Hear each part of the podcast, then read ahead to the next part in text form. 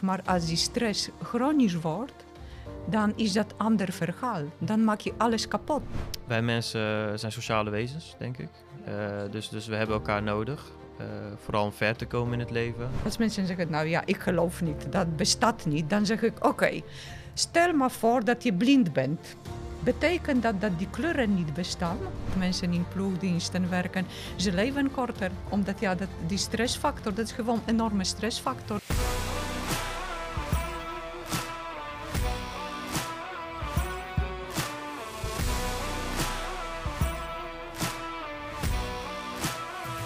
Welkom lieve mensen, we zijn weer bij een nieuwe aflevering van de TEM Academy podcast. En vandaag hebben wij ja, een hele speciale gast. We doen het ook heel anders. Uh, voorheen ja, waren ik en Jos altijd hier aan het praten met je. Uh, we hebben um, besloten dat we dit seizoen helemaal anders gaan doen. We gaan gasten uitnodigen die wij denken um, veel waarde uh, te kunnen geven aan jullie. en dan voornamelijk gefocust op goed voelen, gezondheid, mindset en uh, welzijn. En vandaag de dag ja, zit onze gast Jola Smarkalla hier bij mij aan tafel. En zij is van al deze categorieën thuis.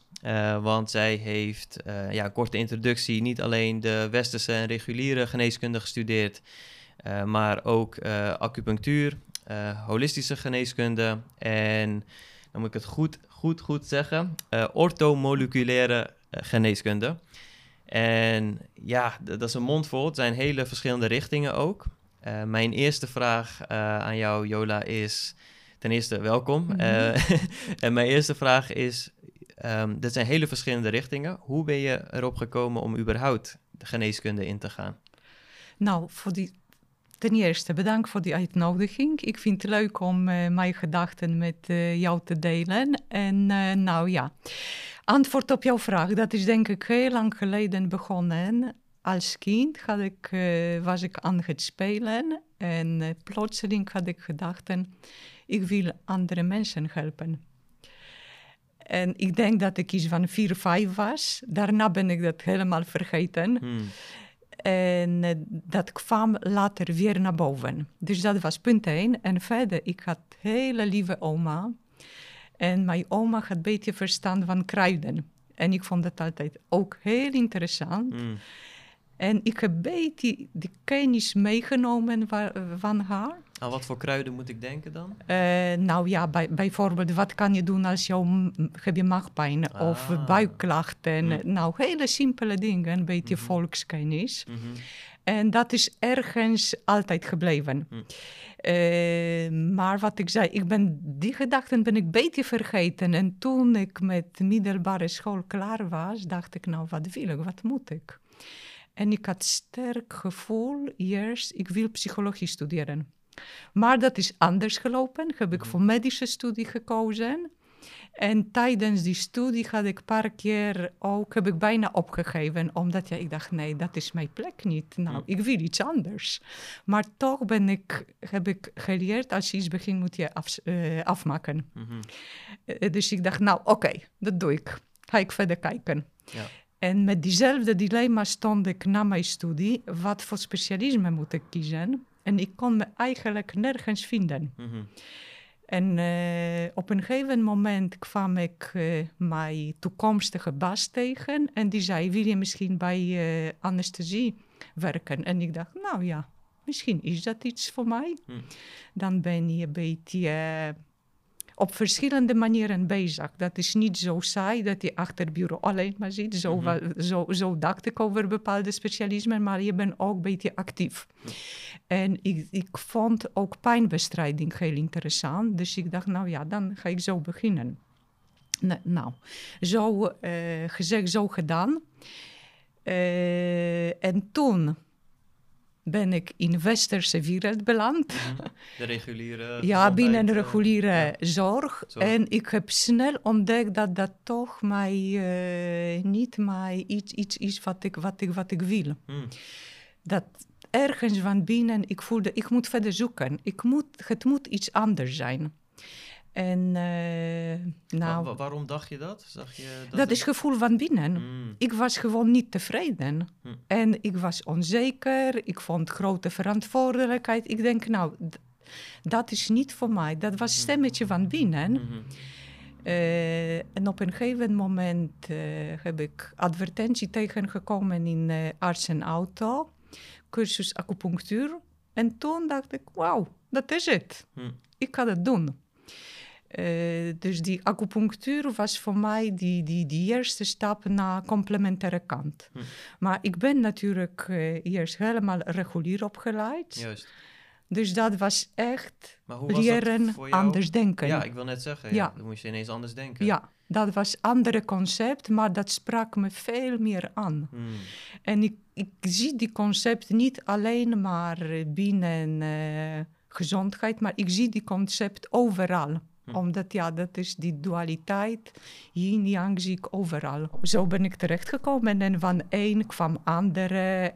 Je komt altijd je grenzen ergens. mhm.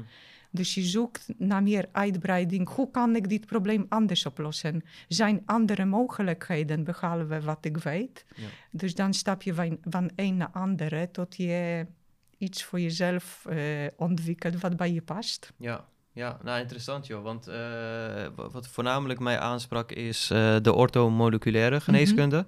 Ehm, want het houdt volgens mij in dat je door middel van eh, voeding een, iemand kan helen. Misschien kan jij daar wat Ja. meer toelichting op geven. Wat Ja. houdt dat in? Dat was eigenlijk opleiding psychoneuroimmunologie, Mhm. van supplementen toepassen onderdeel is. Maar dat is meer ehm, breder concept, Mhm. wat je dingen verbanden kan zien, dat je alles met elkaar kan koppelen. Waar, door deze opleiding heb ik eigenlijk begon ik beter te begrijpen hoe mensen, menselijke lichaam eh, werkt. Hmm. Omdat ja, ik dacht, ja, ik wist het, maar dat was als net als losse modulen. En dit was gewoon vanaf helikopterhouding, nou ja, dat is het. Hmm, Dus dat, dat, dat begon ik helemaal anders te denken over wat is ziekte, Ja. waar komt dit vandaan? Hoe kan je echt helpen zonder dat je alleen maar symptomen bestrijdt? Hm.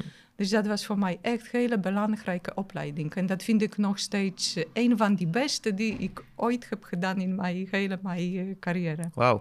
Ehm, zou je zeggen dat dat het verschil dan ook is tussen reguliere en, en holistische eh, Benadering. benadering? Dat, dat, wat je net zei, hè? regulier is dan misschien gefocust op losse modules in het lichaam, Ja. losse stukken.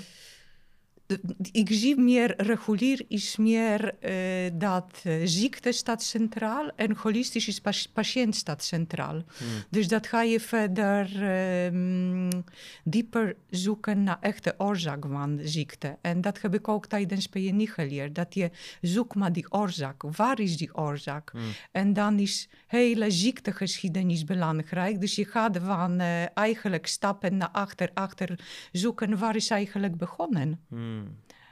Ja, want wat, we, wat je vaak ziet bij de reguliere eh, gezondheid is dat ze focussen op de symptomen. Dus Ja, hè, je nou, hebt een symptoom. eh, de ziekte is voor. belangrijk, ja, de ziekte is belangrijk. Ja. Je hebt een, je hebt Je protocollen, je Mhm. hebt bepaalde ziektebeelden en dat is het. Ja, Maar wat vaak wordt vergeten, dat dat niet één protocol voor alle personen is. Hm.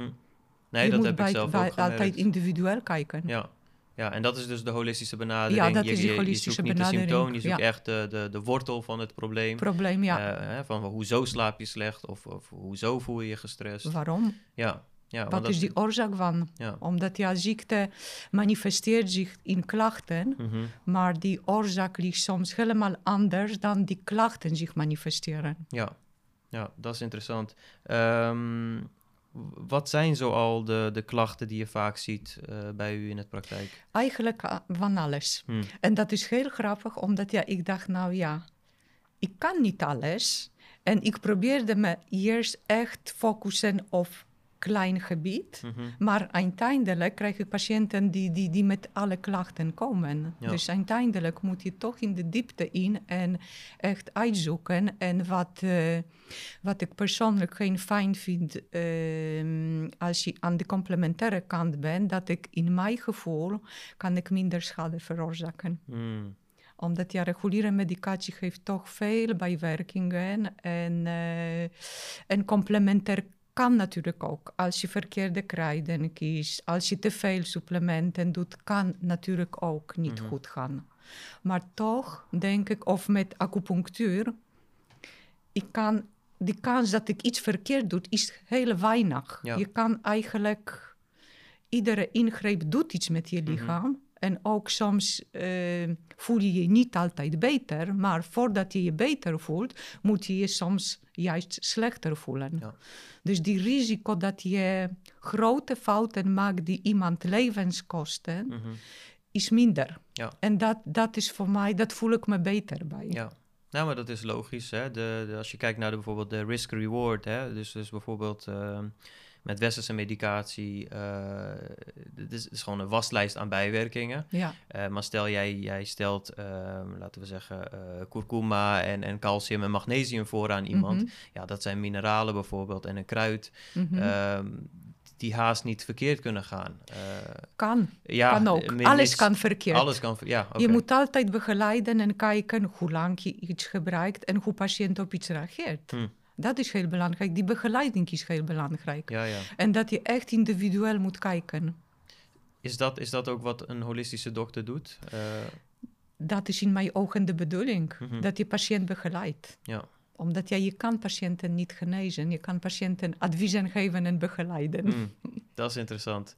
Um, nu dat zegt, want ik las, ik las een quote op uw website. Uh, dat heb ik opgeschreven. Even kijken, van Hippocrates was het. En niet de arts, maar het lichaam geneest de ziekte. Uh, ja. dat, dat, is, dat is best uniek, want normaal gesproken ga je naar een dokter omdat je genezen moet worden. Ja.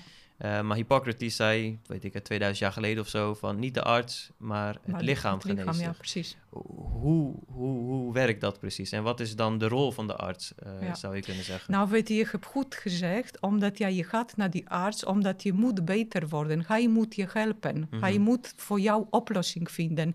En daar begint eerst de denkfout, omdat ja, niemand kan jou beter maken als je zelf niet wil en als je zelf niet iets doet. Hm. Ik geef altijd een simpele voorbeeld, omdat ja, dat spreekt patiënten altijd aan. Um, je, je hebt twee dingen. Je hebt jouw genen mhm. en je hebt omgevingsfactoren die jouw genen beïnvloeden. Dus hm. dat is genetica en epigenetica. Hm.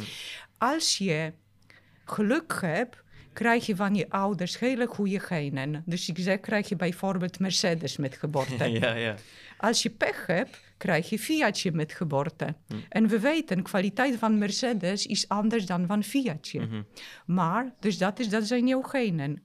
Maar hoe ga je die auto's onderhouden? Hoe ga je om met, met die auto? Ligt aan jou. Hm. Omdat ja, je kan die Mercedes binnen vijf jaar ook kapot maken. Ja.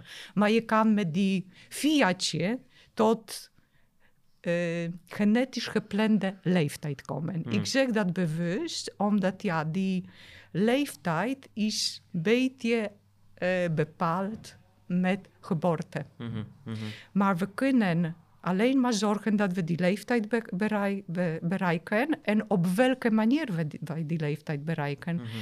Als je en dat zijn die epigenetische factoren, dus die omgevingsfactoren. Ja. Die zijn heel belangrijk, omdat ja, je kan ergens foute genen, mm maar betekent niet dat die foute genen worden actief nee, ja. door goede zorg voor jezelf.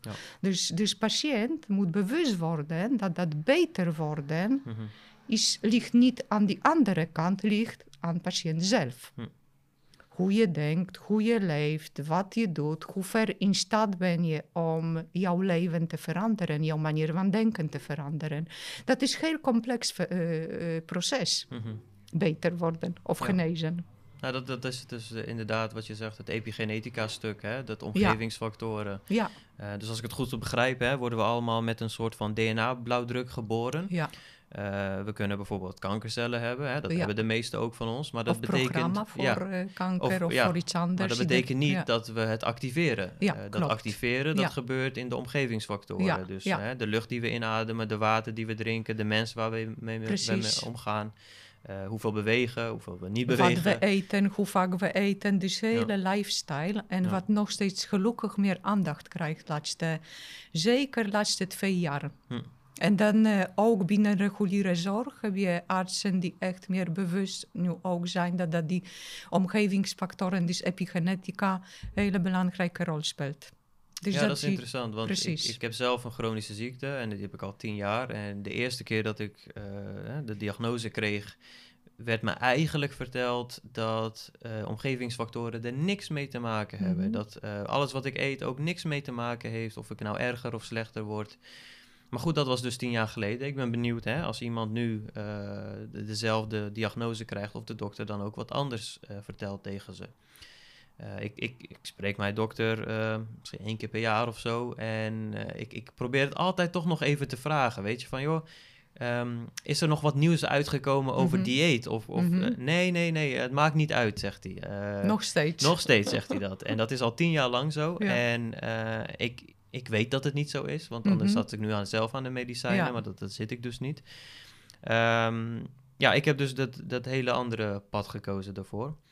Ehm, maar ja, dat, wat, wat u zegt is interessant. Dus hè, je kan inderdaad met een Mercedes geboren zijn of, of met een Met Fiat Fiatje, blauwdruk, ja. DNA-blauwdruk. Maar ja, als je dat Mercedes of Ferrari Ja. eh, op bier en muffins laat lopen, hè, bij wijze van, eh, dan kom je ook niet ver met de auto. Nee, dus ehm, goed, de blauwdruk is er, eh, Mhm. maar de omgevingsfactoren bepalen uiteindelijk eh, of, of stukken in dat blauwdruk geactiveerd worden Ja. of niet. En dat heet weer Hoe- epigenetica. Precies, hoe, hoe worden we oud eigenlijk? Omdat ja, je kan op eh, gezonde manier eh, oud worden en op nou, normale manier doodgaan. Mhm. Of krijg je ziekte en op gemene manier eh, ga je dood. Ja.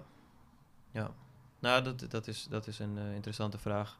Ehm, nou goed, je vertelde net, hè, je hebt allerlei soorten mensen met allerlei soorten Mhm. klachten bij jou in de praktijk. Ehm, merk je dat er eh, een verschil is, een verschuiving qua klachten sinds, sinds het hele, eh, ja, tussen aanhalingstegen pandemie, eh, coronatijd? Eh, nou, niet echt duidelijk, omdat ja, ik denk dat dat die grootste probleem die in coronatijd is ontstaan, veel angst, die Mhm. zorgt voor meer stress bij mensen. En stress is eigenlijk de grootste oorzaak van eh, alle gezondheidsproblemen, omdat ja, stress is gewoon eh, bedoeld als overlevingsreactie. Vluchten, vechten, bevriezen. Mhm. Maar stress is niet bedoeld voor chronisch. En we Mhm. kunnen natuurlijk ook niet zonder stress, de zogenoemd gezonde stress, hebben we nodig. Maar waar ligt die grens? Ja. Stress kort en krachtig kan alleen maar onze weerstand op den duur stimuleren. Hm. Dat is als je één keer go- goede griep krijgt en goed ziek wordt, dan is dat training voor je immuunsysteem, voor je weerstand. Mhm. Dus dat hebben we af en toe nodig. Maar als die stress chronisch wordt, dan is dat ander verhaal. Dan maak je alles kapot, omdat ja, in stresssituatie werkt onze biochemie helemaal anders. Hm. En is niet bedoeld voor lang, maar voor kort. Ja. En dat is het grootste probleem, dat die corona veel angsten heeft eh, opgeroepen bij mensen. Mhm. En tot meer stress, chronische stress. Chronisch, ja. Want ja, als je Ja. elke dag herinnerd wordt aan de cijfertjes, hè, Ja. zoveel besmettingen, hè, Ja. dan kan ik me En begrijpen als ook je ben je geconfronteerd met problemen dat je geen werk hebt, dat je Mm. zit opgesloten met kinderen thuis eh, en dat je dingen niet mag, geen sociale contacten. Nou, dan blijft die stress alleen maar groeien. Dan onderhoud je die stress, omdat ja, een van die belangrijkste menselijke behoeften, dat zijn sociale contacten. Mhm. Dankzij dat we op elkaar kunnen, eh, met elkaar kunnen leven en op elkaar eh, eh, rekening met elkaar kunnen houden, zijn mensheid zo gegroeid. Ja. Door groep, omdat ja, als individueel, individu betekenen we niks in, Nee. in, in die grote wereld. Ja. Dan ga je dood. Ja. Alleen maar door, door samenwerken en door Ja. elkaar opzoeken. En dat is helaas niet wat door corona is gebeurd, Mhm. omdat ja, dat is die indeling, is, is ook stress, is ook niet eh, gezond. Ja, wat, je- wat, ja inderdaad. Ehm, wij mensen zijn sociale wezens, denk ik. Ja, Eh, absoluut. Dus, dus we hebben elkaar nodig. eh, vooral om ver te komen in het leven, om te groeien. En ergens hebben wij ook uh, met, met ons dagelijkse leven, hè, het, is, het, is, het, was al voor corona best hectisch, uh, denk ik, hier ja. in Nederland. Uh, mensen werkten fulltime, meeste van ons. En vaak hadden we dan een uitlaatklep nodig. Hè? Dus dat ja. was dan misschien sporten voor de sommigen, voor anderen was het uit eten gaan of wat dan ook. Ja. Maar goed, die uitlaatklep is er dan ook niet meer. Nee. dus wat krijg je dan? Je krijgt heel veel opgekropte energie die uh, nergens kwijt kan. Tenminste, ja. dat, dat ervaarde ik een beetje. Dus ik moest dan denken, oké, okay, uh, wat ga ik nu doen met dat energie? Dus ja, ja. dan moet je initiatief zelf nemen. Ja. Uh, dan moet je maar buiten gaan rennen, weet je, ja. als je dat energie kwijt wilt. ja, precies. Maar dat ziet ook, dat ziet ook onze kans omdat, ja, weet je, dat is hoe ga je om met die situatie. Dus ik zie ook veel positieve kanten van, van die tijd, omdat ja, je bent gedwongen om van die hectische wereld uit te stappen, dus mm -hmm. met buiten bezig, meer opzoeken als ik naar binnen ga, als ik mijzelf ga uh, vinden, wat gaat gebeuren? Mm. En hoe kan ik die energie kwijt als ik niet naar die sportschool kan? Je kan ook thuis een heleboel energie kwijt. Ja. Je kan muziek uh, laten draaien, kan je dansen bijvoorbeeld. Kan je gekke dingen thuis doen zonder dat je iemand anders belast. We mogen nog steeds gelukkig naar buiten. Omdat ja, ons lichaam is niet bedoeld om te, naar sportschool te gaan. Niet sporten, maar bewegen. bewegen dus ja. we mogen, zolang we mogen bewegen, hebben we nog, die wereld die staat nog steeds open. Ga Mhm. maar wandelen, ga maar fietsen. En ga maar even jouw creativiteit gebruiken. Ja. Zoek maar wat kan binnen beperkingen. Ja, dat is heel mooi. Uh, gelukkig zie ik dat ook. Uh, hè, wat, wat u zegt, dus we zijn inderdaad... Um, we zijn een soort van verplicht moeten stoppen hè, met Ja. ons hectisch leven. We, Ja. we moesten even inkeren. En dan was voor velen inderdaad de spiegel inkijken. Van, hè, waar ben ik nou al die tijd mee bezig geweest? Ze hadden eindelijk een moment van reflectie. Ehm, En inzichten. Inzichten inderdaad. Uh, maar wat ik nu ook zie is heel mooi dat er groepen zijn die zeggen: oké, sportscholen zijn dicht, oké. Dan gaan wij met een groep bijvoorbeeld in koud water springen, weet Ja, je. En dat is, dat is een vorm van stress, maar Ja. wat u zei, korte stress. Korte stress. wat en- het lichaam sterker maakt. Precies, Ehm, absoluut. Dus, dus dan zie je heel veel mensen in groepen Ja. buiten trainen, ja, ondanks dat het niet mag. eh, of, of in rivieren eh, duiken. eh, om, om, om gewoon eh, de prikkels te krijgen van het koude, koude water. Ja. Ehm, Maar ook wat je ziet bijvoorbeeld buiten, dat die eh, apparatuur ook buiten geschikt is. Dat je ook eh, buiten kan sporten. Hmm. En dat zie je ook. Ja, ja, er zijn wat sportscholen inderdaad die hun... Maar dat eh, zijn geen sportscholen, maar dat zijn alleen maar die apparaten die je op sportscholen hebt. Dan, Ja. dan staan ze ook buiten. Ah, oké. Je bedoelt op die speeltuintjes en zo? Of... Ja, soort van. Ja. Langs uh, Maas heb je zo'n plekje. En dan heb je in Schiedam een paar van dat soort plekjes. Ook uh, in de Batrixpark bijvoorbeeld. En daar zie je mensen gewoon gebruik van maken. Ja. En dat is veel gezonder, omdat je bent buiten. Dus je kan uh, gewoon zuurstof gebruiken om je spieren te trainen. Dus dat geeft vele voordelen Ja. ook. Ja, beter dan binnen Iedere zitten, crisis is ook kans om iets moois uh, te ontwikkelen. Mhm. Nou, dat is mooi inderdaad. Dat ik, ik hoop alleen dat mensen dat ook inzien, weet Ja. je. Uh, maar ik, ik, kan me ook voorstellen dat als je het nieuws kijkt, uh, dat, dat angst... Precies, wordt hebt. gecreëerd. Maar Ja. dan, dan heb je zelf, dan kan je keuze maken. Wil Mhm. ik dat of wil ik dat niet? We Ja. vergeten dat we keuze hebben nog. En zolang we keuze hebben, hebben we, zijn we nog vrij om te kiezen. Mhm. Ja. Nou, dat is eh 100% mee eens. Ehm, ik was zelf ook benieuwd naar een heel ander ding. Mhm. En dat was eh, ook een deel van uw studie geweest en dat is energetische geneeskunde. Ik weet daar wat meer over, maar ik Mhm. kan me voorstellen dat eh, het voor velen een beetje zweverig klinkt. Hè? Ja. Energetische geneeskunde, wat is Ja. dat nou voor, eh voor, voor voodoo? Ehm, en ik, ik zou graag willen weten van, joh, wat, wat houdt dat nou in? Mhm. En eh, hoe kunnen we dat gebruiken in, in, in, ja, in de huidige tijd? Mhm. Nou, Einstein zei dat eigenlijk alles is energie. Materie is ook energie. Dus we zijn eigenlijk energetische wezens. Alles is energie. Alleen maar, die concept is natuurlijk voor mij begonnen met die acupunctuuropleiding. Omdat Mhm. ja, dat was over meridianen, acupunctuurpunten. Dat, dat, dat klonk een beetje abstract. Maar ehm, mijn ervaring was tijdens eh, oefenen met eh, prikken Mhm. dat eh, als je die punten prikt, dat krijg je een heel apart gevoel. En dat is ander gevoel dan als je zenuw aanraakt. En voor mij is zijn uh, energiebanen, acupunctuurbanen, dat is soort van blauwdruk van zenuwstelsel. Hm. En je kan via die energetische banen eigenlijk onze zenuwstelsel bereiken, omdat je uiteindelijk wordt alles gestuurd door zenuwstelsel. Mm Maar dat is die, die, die toegang is een beetje anders. En ik geef ook altijd, als mensen zeggen, nou ja, ik geloof niet, dat bestaat niet, dan zeg ik, oké, stel maar voor dat je blind bent. Betekent dat dat die kleuren niet bestaan? Mm. Die bestaan nog steeds, maar je kan dat niet zien.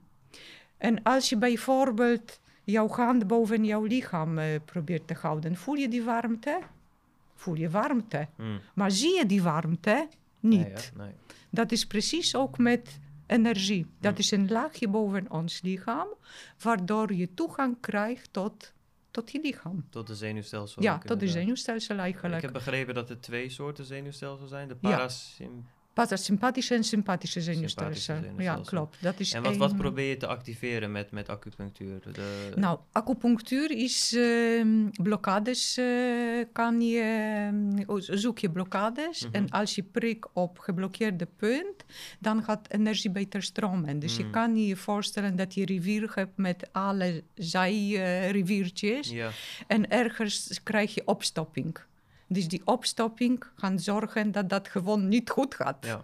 Dus als je die opstopping gaat uh, weghalen, mm dat gaat rivier beter stromen. En dat is precies ook met, met die energiebanden. Je hebt blokkades, die zijn veroorzaakt door verschillende uh, factoren. Mhm. En je lost die blokkades op. En vaak is blokkade pijn. Mm. En je ziet gewoon, vaak gaat pijn weg. Maar dat klinkt zo simpel, maar mm. praktijk is natuurlijk anders. Omdat ja, dat, dat is natuurlijk, uh, die concept gaat verder, gaat naar organen en gaat nog naar diepere oorzaken van die ziektes. Mm-hmm. Maar acupunctuur is behalve blokkades, pijnbestrijding, is ook op uh, organen werken. Mm. Maar dan heb je hele diagnostiek en heb je bepaalde combinatie van bepaalde acupunctuurpunten. Nou, dat, dat, rivier uh, is een heel goed voorbeeld, denk ik. Als je dat voorstelt als energiebaan, dat dat vloeit. Hè? Ja. Want een rivier dat, uh, dat stroomt is een schoon rivier. Ja, precies. Uh, een rivier dat stilstaat, ja, ja, dat wordt gewoon een meer. Ja, en, precies. En, bij een meer kom je, is het niet zo schoon. Um, nou goed, ik, ik zelf ben daar wel van overtuigd, want ik heb het zelf ervaren. Ik heb ook mhm. acupunctuur al, doe ik al best lang. En... Um, het is bijzonder om te zien. Weet je, als dat naald dan in je zit en je ziet dat naald zo een beetje bewegen. Uh, en je weet dat het niet op een zenuw zit, want anders zou het wel heel mhm. veel pijn doen. Uh, het zit niet op een zenuw, maar je ziet het toch bewegen. Dus ergens, iets gebeuren. ergens stroomt daar dan iets, ja, uh, waardoor dat, dat um, naaldje dan zo tekeer gaat. Ja. Um, en ik heb, ja, ik, ik heb soms wat terugklachten en dan vaak helpt dat zo acupunctuur. En dan denk je van, joh, maar als je dat aan iemand zou uitleggen, die, die weet ik wel, laten we zeggen, ik, ik kom uit Koerdistan en in Koerdistan kennen ze helemaal geen mm acupunctuur. Als ik daar zou zeggen, ik, ik steek wat naalden in me, zodat mijn rugpijn weggaat, lachen ze me uit. Ja. Um, maar je moet het zelf echt ervaren, ervaren hebben ja, om, um, om, dat, om dat te kunnen delen. Want ja, ja ik, ik ging daar uit wanhoop naartoe en ik had er geen verwachtingen van. Ik zeg, joh, weet je, eh, het schijnt te werken. Laat ik het gewoon proberen, weet je. Uh, wat ik niet ken, kan ik ook niet uh, oordelen. Dus nou goed, het is uiteindelijk gewoon goed uitgepakt. Het gaat om eh, je eigen ervaring. Ja, dus en ik heb af en toe sceptische patiënten die zeggen, nou ja, ik wil eh, dat je me prikt, maar ik geloof niks van. ik denk, nou prima, je hoeft niet in te geloven. Nee, en als dat iets gebeurt, dan, dan, dan gebeurt. Ja. En ik kan je ook niet garanderen dat je iets gaat voelen en iets gaat uh, gebeuren. Omdat mhm. ja, dat is, ik kan alleen maar mijn best doen. En we zullen zien wat die resultaat is. Ja. Nou, dat is het ook, weet je. is om, je kan zeggen dat het placebo is, maar vaak de mensen die er naartoe gaan, die, die geloven er niet in. Dus, dus dan is het geen placebo. maar eigenlijk... placebo is het grootste genezingseffect eigenlijk. Omdat, ja, het is de genezingskracht van de geest. Precies, van, van, jezelf. van, jezelf. Dus dat is op welke manier eigenlijk als je placebo kan aanspreken in mijn ogen, dan ben mhm. je heel ver. Ja. Dan roep je die uh, eigen genezingskracht van binnen. Ja. En dan ben je weer een stap verder. Nou, dan ben je eigenlijk al gemist over jezelf, uh, als het ware. Ja, ja. Nee, ja, dat... Uh, ja, interessant. Um, even wat minder, minder abstract dan, misschien voor de mensen thuis. Ehm, misschien dat we het even over uh, supplementen en voeding kunnen hebben. Mhm. Misschien, ik ben benieuwd naar bijvoorbeeld eh, de mensen die dan bij jou in de praktijk komen. Zijn er bepaalde voedingssupplementen die het vaakst aanraadt? Eh, zie je iets vaak wat tekort Mhm. is door, aan, aan de meeste van jouw patiënten bijvoorbeeld? Nou, eh, ik zie beetje als basissupplementen, dat is voor mij omega-3 vetzuren en vitamine AD. En soms begin ik met goede multi. Mhm. Maar dat is ook een beetje individueel, omdat ja, ik probeer altijd eerst te kijken waar, waar moet ik eerst de stap zetten. Hm. En soms kies ik voor homeopathie, soms kies ik gewoon alleen maar voor acupunctuur, soms is alleen maar gesprek met de patiënt en soms is gelijk aan de slag met, eh, met bepaalde combinatie van bepaalde supplementen. Hm. En ik denk zelf, en dat is een beetje mijn ervaring, dat, dat je hoeft niet altijd losse, tien losse supplementen eh voorschrijven. Dat is beter naar goede combinatie te kijken. Omdat ja, goede combinatie bedoel ik vitamine en mineralen en soms kruiden, Mhm, mhm. die versterken elkaar. Omdat ja, we hoeven niet honderden grammen vitamine C naar binnen krijgen, omdat ja, die, die veel gaan we uitplassen. We Ja. hebben veel minder nodig die effectief is om iets op de gang te zetten. Maar soms, als je dit combineert met mineralen of met kruiden, is die effect veel beter.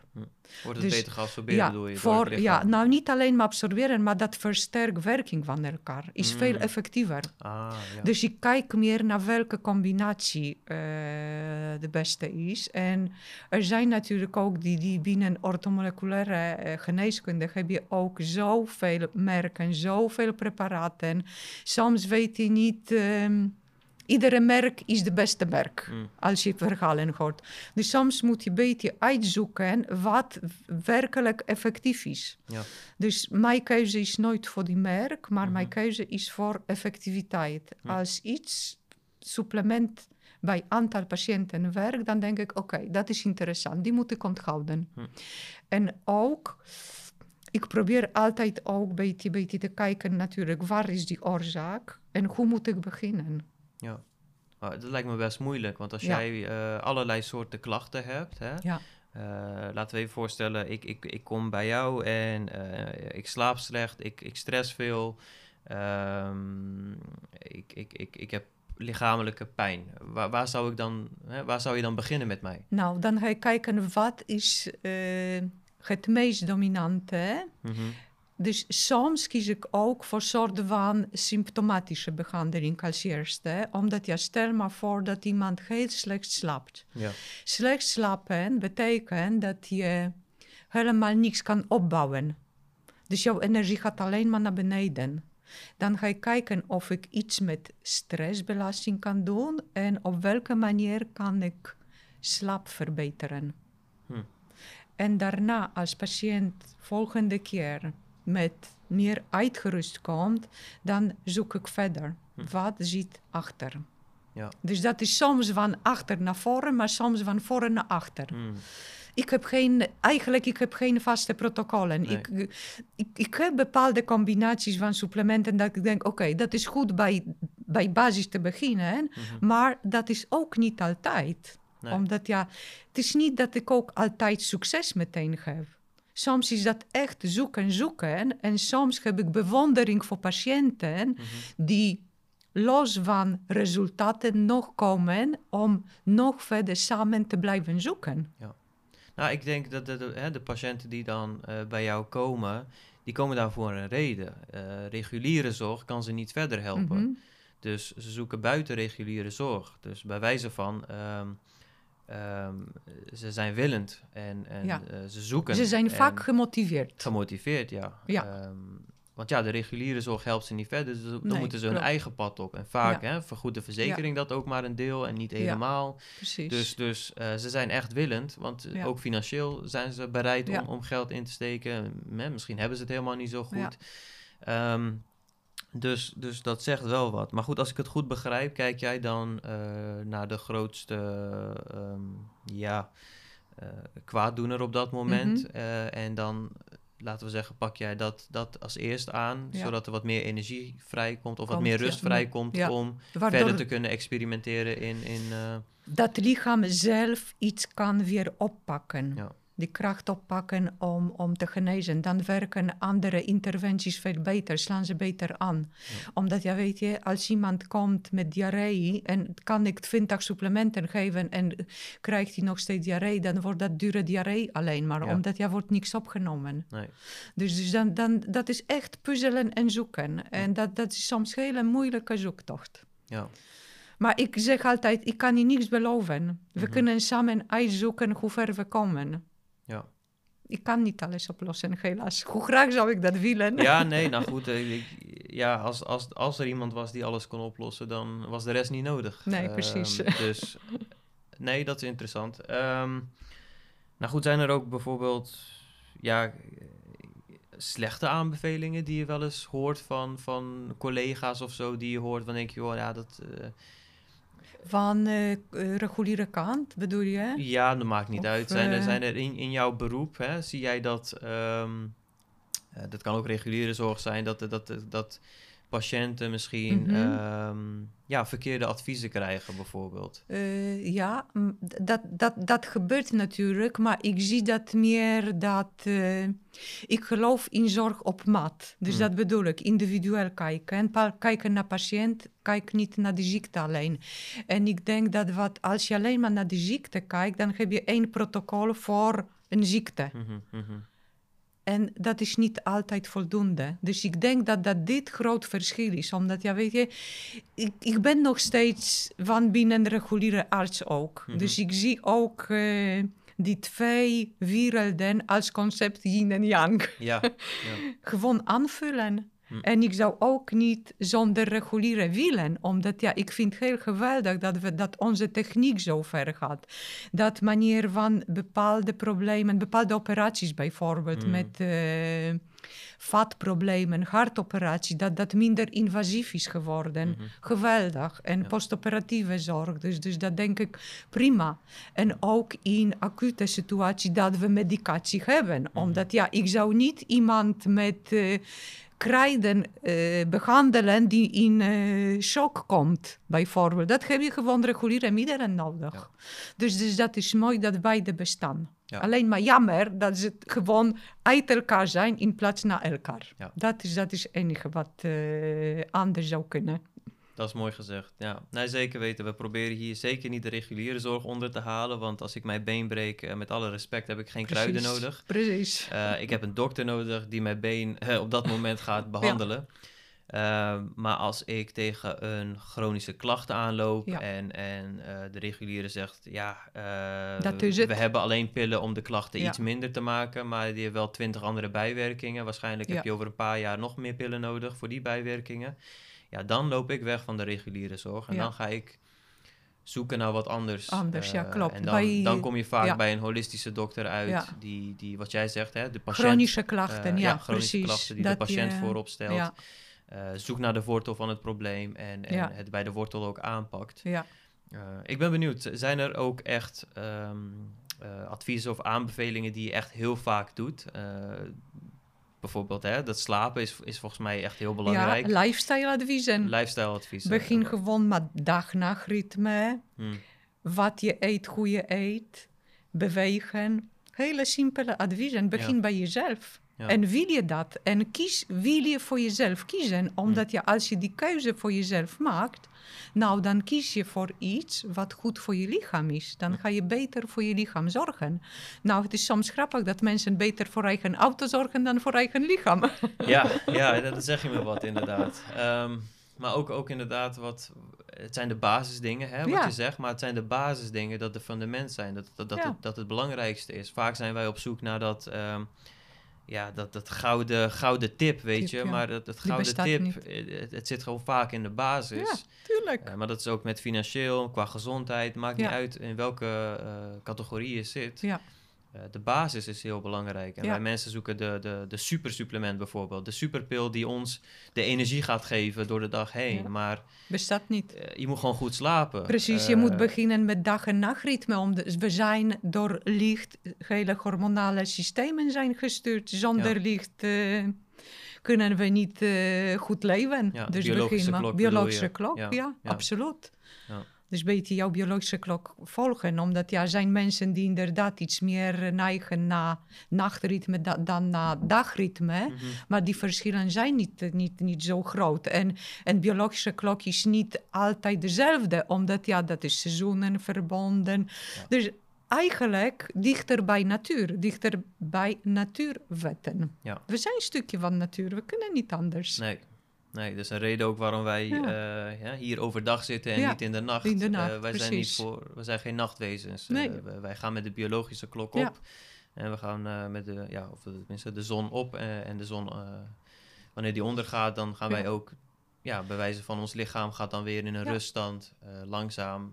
Uh, de temperatuur verandert. Absoluut. Dat is uh, wat veel belangrijker dan wij ooit dachten. Omdat ja, zelfs waar je geografisch leeft, hoe die mhm. biologische klok werkt, geeft invloed op onze leeftijd eigenlijk. En ook is ook bekend dat mensen in ploegdiensten werken, ze leven korter. Omdat ja, dat, die stressfactor, dat is gewoon een enorme stressfactor mhm. die die hele biochemie beïnvloedt. Ja. Nou, er zijn talloze, inderdaad, wat u zegt, wetenschappelijke eh, onderzoeken geweest die die nachtdienstploegen uh, gevolgd hebben. Uh, of piloten hè, die in de nacht vliegen bijvoorbeeld. die leven gewoon over het algemeen minder, of korter. Ja. Um, dus dat bewijst dan ook weer hè, waar, waar, wij mensen eigenlijk voor gemaakt zijn. Kijk, het is fijn dat we licht hebben ontwikkeld en dat de productie 24-7 kan draaien in een fabriek. Maar ten, tegen welke kosten? Hè? Ja. Uh, ja. Ik ben benieuwd, zijn er, zijn er hè, want het is een, eh, best een gek jaar, eh, twee jaar geweest mhm. eh, waar we in leven. Um, zijn er gewoontes of, of um, uh, overtuigingen die, die hè, een aantal jaren of in de, in, de, in de, afgelopen paar jaren jou het meest hebben veranderd? Um. Uh, nou, zeker. Voor jezelf kiezen, goed voor jezelf zorgen en daarna voor de omgeving waar je leeft. Hmm. Dus ik uh, denk, iedere dag denk ik, nou ja, hoe kan ik uh, mijn invloed bijvoorbeeld op, op milieu uh, doen? Hoe kan ik op mijn kleine wereldje mhm. zorgen dat ik minder plastic gebruik bijvoorbeeld. Omdat ja, plastic wordt een enorm probleem die enorme milieuschade veroorzaakt. En we moeten niet vergeten, milieu van buiten geeft invloed op milieu van binnen, mhm. binnen ons. Mhm. En we weten dat die plastic inmiddels bijna overal uh, in ons ook zit. En dat dat niet die, het meest gezonde is wat we naar binnen krijgen. Dus ik, ik, dat heeft me zeker bewust gemaakt mm Ga maar nog beter om met, met welke, als je producten koopt, zonder plastic. Ja. Omdat ja, als ik in de supermarkt loop en ik zie nou ja, avocado in twee dubbel gepakt in plastic, denk ik, moet dat? Dan kies ik nu bewust avocado die niet gepakt is. En ik probeer ook dat soort producten te kiezen. En ik probeer altijd ook mijn tasje in mijn tas hebben mm. of mijn wagentje neem ik iets mee, waardoor ik zo min mogelijk die extra plastic tasjes gebruik. Ja. Dat is dit. Verder ook thuis, weet je, als ik onder de douche sta, denk ik, nou ja, hoeveel heb ik echt werkelijk nodig? Moet ik tien minuten staan of is mm. dat drie minuten misschien voldoende? Mm. Uh, dat soort bewustzijn. Nou, ik ben vroeger met minder opgevoed, dus, dus mhm. dat zit ergens in mijn systeem. En dat je heel spaarzaam moet op alles zijn, moet je sparen om een beetje reserve op te bouwen. Dus, dus dat is net alsof ik mijn oude programma naar, naar boven ja. roep. Dus dat zit erin. Maar, maar voor hele andere uh, bedoelingen. Ja, in dit geval. precies. Maar als ik niet, zie niet wat... uit schaarste, maar Nee, juist gewoon uit liefde. als liefde Ja. en ook milieu, minder milieubelasting Ja. gewoon. En als iedereen zou bij zichzelf beginnen, dan zouden we echt beter wereld Mhm. kunnen creëren. Maar soms moet ik bijna huilen als ik loop door de straat en ik zie overal die mondkapjes liggen Ja. of plastic. eh, en dat soort dingen. denk ik, jeetje, waarom Mhm. leren we niet? Waarom leren wij niet van fouten die mensheid continu herhaalt? Ja. Dat vind ik jammer. Ja, History Begin maar bij jezelf. Altijd bij jezelf. Ja, dat, dat is een hele mooie. Want vaak kijken we naar, naar grote bedrijven, hè, Ja. instanties. En we geven hun de schuld voor de... Precies, voor alles. voor alles. Eh, tuurlijk, hè, eh, laten Ja. we eerlijk zijn. De, de industriële eh, ehm, industrie die, die, die is de meeste veroorzaker. Maar wij laten dat toe. Wij hebben die consumptieneiging. Wij willen die nieuwe Precies. iPhone elk jaar hebben. Ja. Wij willen die nieuwe, weet ik, het model auto hebben. Wij willen Ja. de nieuwe model, eh, weet ik veel, Zara-kleding hebben. Elke Ja. seizoen moet er weer een andere jasje Ja. hebben. Dus wij, ja, wij voeden eigenlijk dat hele, hele machine van, eh, Ja. eh, van, van produceren en, en, en van Klopt. En dat is gewoon bepaalde bewustzijn. Als je dat Mhm. beseft, doe je een stapje terug. Ja. Dus dat is heel belangrijk dat, dat, dat die besef nog meer bij mensen eh, komt. Omdat, ja, weet je, die dingen hebben we nodig. We Mhm. kunnen nu niet zonder telefoon, zonder tv. Weet je, ik ben in de tijd opgevoed, gegroeid zonder radio, zonder tv tot bepaalde leeftijd. En ik vind dat ik hele gelukkige jeugd heb gehad Ja. tot bepaalde tijd. Nou, ik was buiten, continu in de natuur. Ik was veel meer met natuur verbonden. Mhm. En nu voel ik me af en toe binnen in de stad, denk ik, waar is die natuur? Ja. En ik heb altijd kracht in de natuur gevonden. Mm. Toen ik problemen had, maakt niet uit welke, ben ik altijd eh, naar bos gegaan, gewandeld, echt alles loslaten en ik kwam altijd terug met andere energie. En dat was zo fijn om te voelen. Dat ging stress gewoon weg. Ja, maar de- het bos doet ook wat met je. Ja, dat eh, dat is algemeen bekend, hè? Ja. Dat, eh, de bomen inderdaad, Energie de van lucht, de bomen, energie. ja. En vooral als je blote voeten gaat, hè? je gaat Ja. aarden, eh, Ja. ehm, dan doet dat heel veel met het zenuwstelsel, je geest, Ja. et cetera. Ehm, nee, maar ik, ik, ik, ik kan me daarin ehm, eh, zeker in meegaan. Want ik ook zelf, ik ben Mhm. me de afgelopen paar jaren, dus ook zelfs voor corona, eh, gaan afvragen, joh, wat heb ik nou echt nodig, weet je? Ja, Eh, ik, ik kocht een aantal paar schoenen per jaar. Ik denk, joh, heb ik wel zoveel Precies. schoenen nodig? Ja.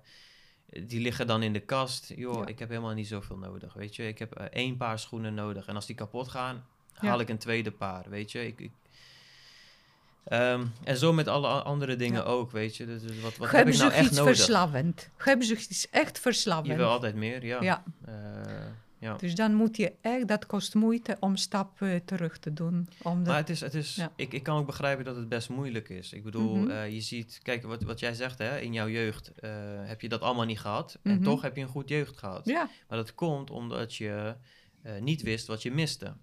Maar tegenwoordig met social media, we kijken continu naar wat we missen. Hè? De ander heeft dit, de ander heeft Ja. dat. maar dat betekent niet dat je dat mist. Weet je, omdat ja, ik kan me nog mijn eerste ervaring herinneren toen ik voor de eerste keer naar Nederland kwam uit somber eh, Polen. Mhm. En eh, ik was bijna in shock toen ik naar de supermarkt ging. Ik dacht, wauw. Ik zou niet weten wat moeten kiezen. Hm. Omdat je, als je veel te kiezen hebt, Ja, dan is dat moeilijker als je weinig keuze hebt. Mhm. Omdat ja, dan is die, als je weinig keuze hebt, dan, dan is die richting beperkt. Weet je? Dat was ook een beetje met mijn studie. Ik wist het, nou ja, als ik niet dit ga doen, nou, wat heb ik anders? Wat voor toekomst heb ik? Dus nou, je bent begonnen, dan doe je tot een einde en daarna ga je verder kijken. En dat was stapje voor stapje, weet je. Je komt ergens en je, je vraagt je, je af, is dat wat je wil? Of wil je iets meer, wil je iets anders? ja. Dus je hebt natuurlijk beetje doorzettingsvermogen eh, hebben. Maar ik denk wat heel belangrijk is, dat je altijd nieuwsgierig blijft. Hm. En dat je altijd zorgt dat je doelen hebt in het leven. Tot de laatste dag van je leven. Ja. Omdat ja, als je die doelen niet meer hebt, dan heb je geen zin om te leven. Heb je niks voor om te leven. Nee, dat zie je vaak inderdaad bij mensen die net gepensioneerd zijn. Ja. eh, die, die hebben jarenlang gewerkt. Die zijn dan hè, 65, nu 70 of zo. Eh, die, die, die gaan dan met pensioen. Maar ze weten niet wat ze moeten doen. Ze hebben Precies. geen doel. Ze hebben nooit hè, eh, een hobby gehad of zo. ja, ze hebben nooit een doel gehad na, dat, Ja. na hun werk. En dan zie je ook vaak dat de gezondheid heel snel achteruit, Achteruit, gaat. klopt. Eh, omdat je dan niks hebt om naartoe te streven. Ook, maar ook omdat stress naar beneden gaat. Omdat ja, het kan ook zijn dat je, eh, dat je stress geeft je ook kick. Mhm, mhm. Adrenaline, cortisol. Ja. Dan heb je het gevoel dat je leeft. Ja. Dus als je, dus die chronische stress kan jaren duren voordat dat lichaam zegt, nou ja, nu kan ik niks meer. Dus vaak eh, leef je op hoog niveau. Mhm. En als je plotseling niks meer hebt, dan zakt die stress en dan voel je je hoe ver ben je gegaan om jouw lichaam kapot te maken. Dat is bekende voorbeeld is bij- bijvoorbeeld eh eh, weekend migraine hoofdpijn. Oh ja. Weet je, zolang je in de stress bent, Mhm, heb je dat mhm. niet. Maar op een gegeven moment zak je in elkaar en lichaam zegt, wauw, nou, je bent niet zo gezond zoals je denkt. Mm. En ik denk dat dat bij, met, met pens- pensioen kan dit mechanisme ook een beetje rol spelen. En inderdaad, als je niet iets heeft ontwikkeld, hobby of andere doelen, dan ben je doelloos. Ja. Maar dan sta je nog steeds voor een keuze. Wat doe ik met dit? Weet je, dat lijkt Mhm. alsof je in een soort van lege ruimte terechtkomt. Mhm. En het is leeg. Wat moet ik? Ja. Maar je kan dat altijd omzetten naar leegte is ook ruimte. Hmm. Hoe ga ik die ruimte invullen? Dus dat geeft ook met manier van welke kant wil je iets benaderen. Je kan altijd negatieve kant eh, pakken of positieve kant pakken. Dus je kan die gedachten mogen we kiezen. We hebben keuze altijd. En dat is heel belangrijk om te realiseren. Weet je, ook in moeilijkste momenten van je leven heb je ook altijd keuze om voor iets anders. En begin van je gedachten. Stel maar voor dat je wakker wordt en je zegt, nou, wat een leven. Hm. Perspectiefloos. Ik heb niks om te doen. Niks gezellig. Nou, als je je alleen maar voedt met zulke gedachten, dan gaan ze alleen maar groeien. Je Mhm. Ja. wordt niet beter van. Maar als je zegt, nou oké, ik heb vandaag hele slechte stemming, het voelt niet goed. Nou, dan zou ik in de eerste instantie denken, nou oké, het voelt niet goed. Waarom? Waar voel ik dat? Wat doet dat met mijn lichaam? Hmm. Gevoel is, is gekoppeld vaak met emotie. En gevoel zit ergens in je lichaam. Dus even onderzoeken, wat doet dat? Krijg ik maagpijn? Krijg ik buikpijn? Zit dat in mijn keel? Zit dat ergens anders? Hmm. En voornamelijk eerst accepteren. Oké, het is niet goed, niet lekker. Dat mag. Niks is continu. Dat is alles tijdelijk. Mhm. Nu voelt het zo, maar kan straks anders voelen. En als ik kies voor bijvoorbeeld, in plaats van die alle negatieve dingen die naar mijn hoofd eh, komen, zeggen: Oké, jullie zijn welkom, prima, ik weet dat jullie zijn, maar dat kies ik niet voor. Ik ga kijken. Wat voor dingen heb ik in mijn leven om dankbaar te zijn? Dan maak je die switch naar andere gedachten. En Ja. dan zie je dat je nog steeds ontzettend veel dingen hebt waarvoor je dankbaar kan zijn. Ja. Nou, dat je bijvoorbeeld kan lopen, Mhm. dat jouw koelkast nog vol is, Juist. dat je dak boven je hoofd hebt, dat die zon schijnt, dat eh, nog veel, veel dingen. Mhm. Dus, dus als je die gedachten hebt, prima, accepteren, maar toch bewust worden dat je voor iets anders mag kiezen. Ja. Dat, een is heel mooie. belangrijk. Ik denk dat de, de, de controlestuk dan bij de vragen stellen is. Dus ehm, in plaats van te zeggen, joh, wa- waarom, eh, waarom voel ik me zo slecht? En dan ga, als je, als je dan zo'n vraag stelt, waarom voel ik me zo slecht? Dan, hè, jouw brein is een computer bij wijze van, Mhm, dus jouw mhm. brein gaat aan het werk voor jou om antwoorden te Mhm, vinden. Als jij zegt, waarom voel ik me slecht, dan haalt hij allemaal dingen op waarom jij je zo slecht voelt. Voelt, oké. Maar dat, het hoeft ook niet slecht te zijn, weet je. Omdat ja, dat is alleen maar informatie. Ja. Wat doe je met die informatie? Mm, Omdat ja, je kan je niet lekker voelen als je vorige dag jouw baas tegen jou heeft gezegd, je hebt geen baan meer. Nou, ik kan me voorstellen, dat kan je die gedachten niet wiezen en zeggen, nou, bestaat niet. Die bestaan wel. Maar is dat, die belangrijk is dat je niet kiest om die, die gedachten te, houden, te blijven houden. Ja. Omdat ja, oké, dat is misschien niet zonder reden dat het in mijn leven gebeurt. Wat wil mijn leven vertellen op dit Mhm. moment? Waarom is dit gebeurd? Ja. En wat voor kansen biedt met die situatie? Ja. In Kijk. plaats van verlies, kijk maar naar die Mhm. kansen. Omdat ja, dat biedt ook altijd kansen. Dat, dat zijn inderdaad hele andere vragen. Hè? Precies, Hè? Wat, wat wat ik biedt zei. het mij? Wat, Precies, in plaats van leegte komt ruimte Ja. om in te voelen op een manier die je zelf wil. Mhm. Dus dan, dan programmeer je je anders. Ja. En ik denk dat is ook keuze, weet je. Je kan, als je wil, je mag in de slachtofferrol eh, eh, blijven en alleen maar janken dat je ni- niks kan. Of je zegt, nou oké, de, de deur is dicht. Ik ga die andere deur openen en kijken wat er zit achter de deur. Ja. Blijf maar nieuwsgierig. En aanvoelen, hè? wat voelt Ja. goed, energie, energetisch. eh, En wat, wat wil ik echt? Misschien Mhm. was die weg, die heb ik gekozen, mijn weg is niet geweest. Ja. En durf maar ook verantwoordelijk nemen voor je beslissingen, voor je daden. Hmm. Dan zoek je niet bij anderen, maar dan zoek je bij jezelf. En dan kan je pas andere stappen zetten. Ja. En dat is ook, dat bedoel ik ook wat gezondheid betreft. Dan ga je niet naar die arts om te zeggen wat moet je doen om beter te worden, maar dan ga je voor andere adviezen. Kan je mij helpen? Misschien hoor ik van jou iets wat mij in andere richting eh, duwt. Juist. Je gaat daar inderdaad om kennis Ja. te vergaren. Hè? Welke Ja. richtingen heb ik nog? Ik heb dit en dit Wat voor opties heb ik? Juist. eh, heb ik iets over het hoofd gezien? En dan kan zo'n holistische arts jou inderdaad de juiste Ja. richting opsturen. eh, om dat te testen. Eh, ja, gedachten zijn energie. Hè? Ja. dat, dat weten we. Ehm, heb jij daar tips voor? Hoe, hoe kunnen wij onze energie verhogen misschien? Nou, of- wat of- ik zei, opstaan. Als je opstaat, dan beginnen met dankbaarheid. Ja, gewoon een En- simpele, en, eh, praktische... ja, gewoon simpel kijken naar wat je kan in plaats van wat je niet kan. Ja, En ik kan me heel goed voorstellen, als, je, als jouw lichaam ziek is, als jouw energie zo laag is, dat voel je je echt machteloos. mhm.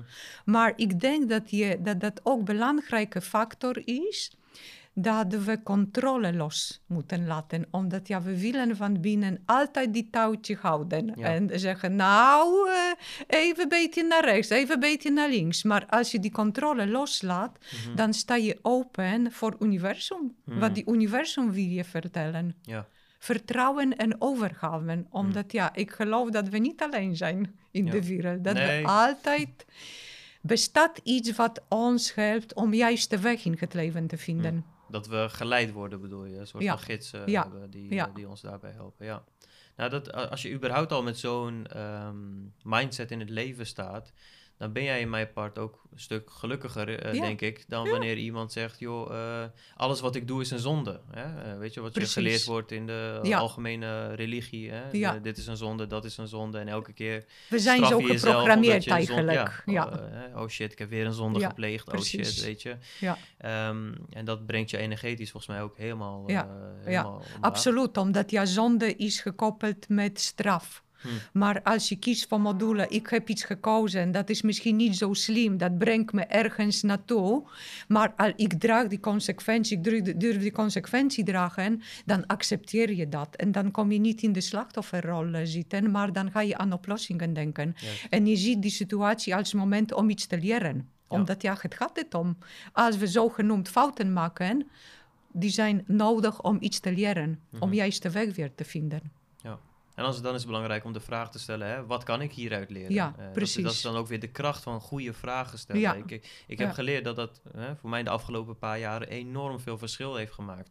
Hè, vragen zoals, eh, waarom voel ik me zo kloten? Of vragen van, hè, hoe kan ik hiervan groeien? Precies. Dat zijn hele andere vragen Ja. waar jouw brein hele andere antwoorden op gaat geven op een duur. Eh, dus, dus ja, als jij de besturingssysteem bent eh, en, en de vragen eigenlijk uh, jouw jouw kracht is. Hè? Ja. dus als iemand, ja, ik denk dat dat een krachtige tool is. Als jij leert goede vragen stellen, Ja. dan zul je ook meteen wat krachtiger voelen. En ook even over de dankbaarheid. Ik kan me voorstellen in het begin. ehm, Weet je, dan las ik over dankbaarheid Mhm, en, mhm. en hoe, hoe goed het wel niet werkt. Mhm. Maar ik pakte het heel verkeerd aan. Ik, ik, ik vroeg mezelf dan, hè, waar ben ik dan dankbaar voor? Eh, oh, ik ben dankbaar voor kleding. Oh, ik ben dankbaar voor een eh, dak over mijn hoofd. Maar dat was Mhm. allemaal ehm, eh, heel analytisch denken, mentaal. Dus ik maakte een lijstje zonder emotie erbij. Precies. Weet je, Eh, Ja. dan noemde ik allemaal dingetjes op waar ik dankbaar voor kan zijn. Maar ik Mhm. was er niet dankbaar voor. Van binnen, Eh, precies. dus dus ik, ik, ik raad ook mensen aan die dan Mhm. zo'n opdracht doen als, hè, eh, waar Mhm. ben ik dankbaar voor, niet de fouten maken die ik maakte, Mhm. maar gewoon even stil bij staan. Dus als Ja. jij iets opnoemt, ja, eh, bijvoorbeeld ik heb een dak boven mijn hoofd, ja. blijf daar dan even stil Even bij ja, staan. van, eh, er zijn ook mensen echt, echt waar, zonder dak Dak boven hun hoofd en hun leven op zo'n zo'n manier, maar jij niet. Dus dat, dat zorgt ook voor veel meer emotie op dat moment, ja. dan analytisch even een lijstje maken met waar je allemaal dankbaar voor bent. Maar soms is goed nog beginnen met een lijstje te maken. Omdat je, als je die lijstje ziet, dan Mhm. spreek je die lijstje aan. Voordat je bij gevoel komt, Mhm. heb je soms eerst die lijstje nodig. En als je dat als mantra iedere dag, Mhm. dan komt ook gevoel bij. Ja, op een duur wel. Ja. Ja. Nee, de, de lijstje, geloof me, ja zeker weten. De lijstje is beter dan Mhm. niets, 100%. Mhm. Eh, maar zodra jij emotie koppelt, inderdaad, aan, aan dat lijstje, dan is die veel krachtiger. Veel Ik zou krachtiger. zeggen gevoel, geen Ja. emotie. Eh, gevoel dan, oké. Ja. ja.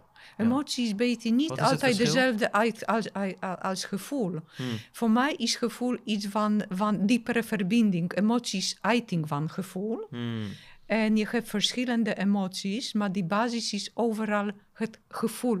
Verbinding met jezelf. ja. En emotie is ook middel om ons van onder andere van blokkades een beetje eh, losmaken. mhm, Omdat eh, als we dat... ehm, maar als dat niet uit de hand loopt. Ja. Omdat ja, emotie is om iets te uiten, maar niet emotie worden.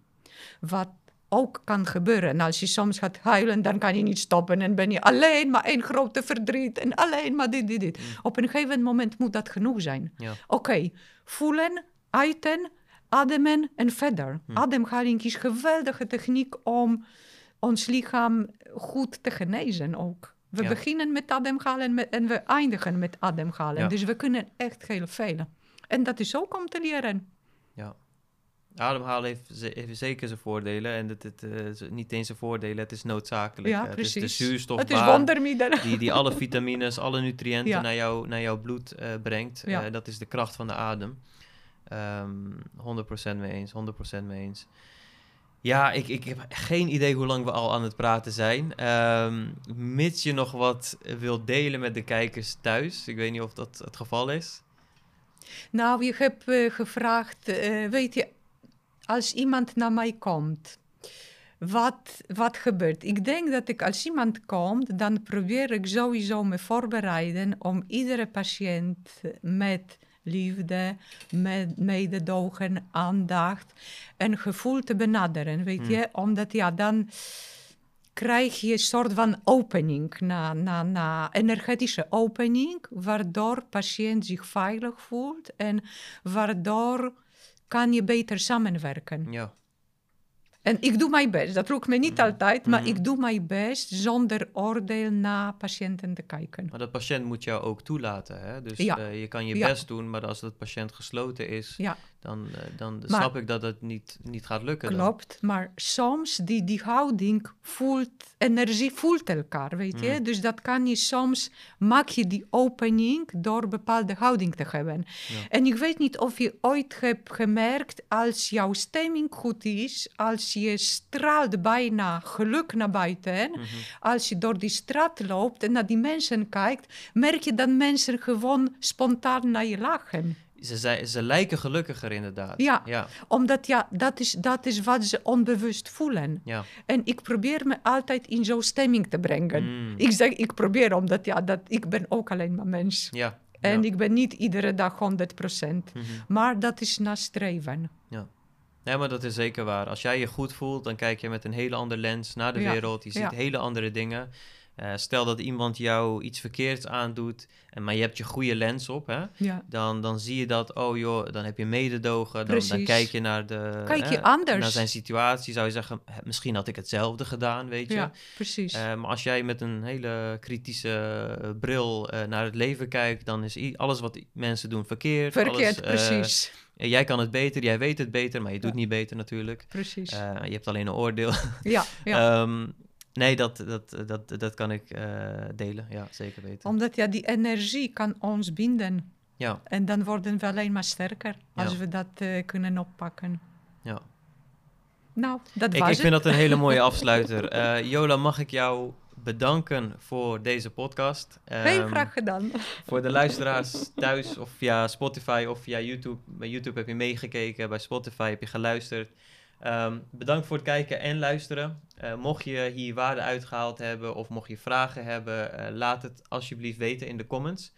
En ehm, ja, voel je vrij om te liken en subscriben. Dan zien we jou de volgende keer weer terug met een gloednieuwe aflevering.